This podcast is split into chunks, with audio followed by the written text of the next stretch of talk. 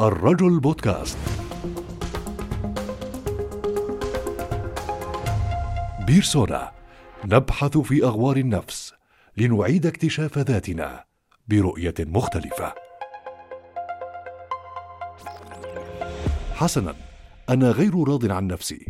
عبارة يرددها البعض مرارا وتكرارا ربما تصبح حافزا للتطوير وتحقيق الطموح لكن الجموح في السعي والشغف قد يتحول إلى معاناة لصاحبه الذي يضع نصب عينيه هدفا كبيرا يحرمه من التمتع بنجاحاته التي أنجزها بالفعل.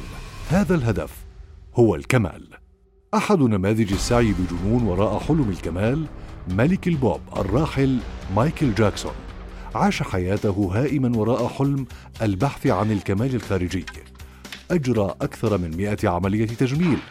بدل خلالها بشرته وشكل أنفه عدة مرات وذقنه وتجويف الخدين وحتى شعره لم يسلم من الأمر ترى هل مات جاكسون راضيا عن نفسه؟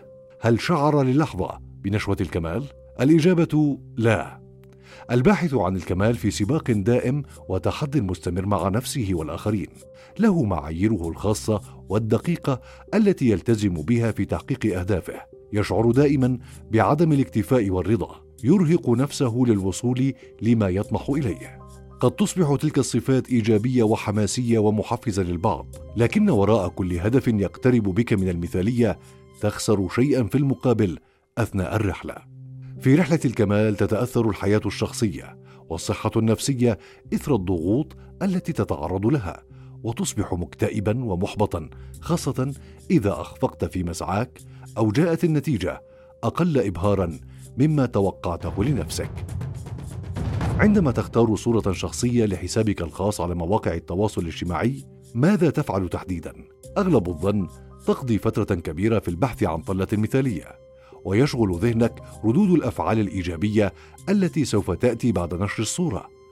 كذلك الأمر عند كتابة منشور جديد. تنتقي العبارات التي تضعك في مصاف الحكماء. وبالطبع هوس الفلتر صار لزاما على كل شخص يريد إخفاء التجاعيد والشوائب ويضيف درجة لونية ساطعة للبشرة. هكذا فعلت بنا السوشيال ميديا ضخمت الذات بشكل كبير. لهذا تجد معظم قائمة أصدقائك في العالم الافتراضي يحاولون الظهور بصورة ملائكية باستخدام عبارات مثالية وصور عليها مؤثرات جمالية تخفي العيوب ويقومون بمتابعة دؤوبة للترندات حتى يبدون خبراء في كل شيء. في علم النفس هؤلاء أسرى البحث عن التقدير يحاولون تعويض ما ينقصهم في الواقع بالكمال في العالم الافتراضي والنتيجة شعور بالاكتئاب والملل كل فترة خاصة إذا لم تكن الاستجابة مواكبة للفعل الصادر منهم. تختلف أهداف الكمال من شخص لآخر. الباحث عن الكمال الجسدي له منظور مختلف عن الشخص الراغب في نجاح وظيفي لم يسبقه إليه أحد. أو المثالي الذي ينطق بالحكمة ويرى أن له فكرا مميزا. كل هؤلاء يندرجون تحت مسمى الكمال لكن الدوافع مختلفة. نشر في مجلة Psychological Bulletin الشهرية أن السعي إلى الكمال يؤدي إلى نتائج سلبية على الصحة العقلية وهي نتيجة دراسة شملت أكثر من أربعين ألف طالب وطالبة أمريكيين وبريطانيين وكنديين قسمت الكمال إلى ثلاثة مقاييس مختلفة. أن يقوم الشخص بفرض توقعات غير منطقية على نفسه وهو الكمال الموجه للذات والكمال المحدد من قبل المجتمع.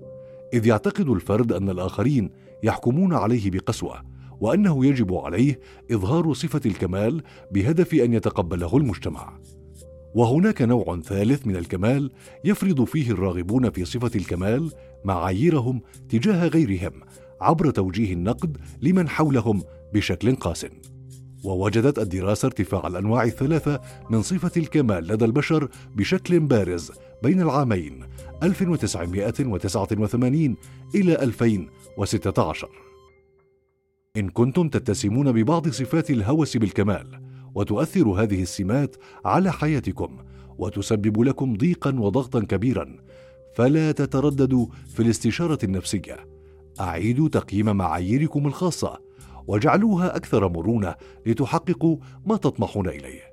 وفي النهاية تذكروا أن رغبتكم المستميتة لبلوغ الكمال قد تصيبكم بالاكتئاب والإحباط والفشل وتعرقلكم عن الاستمتاع بحياة طبيعية صحية.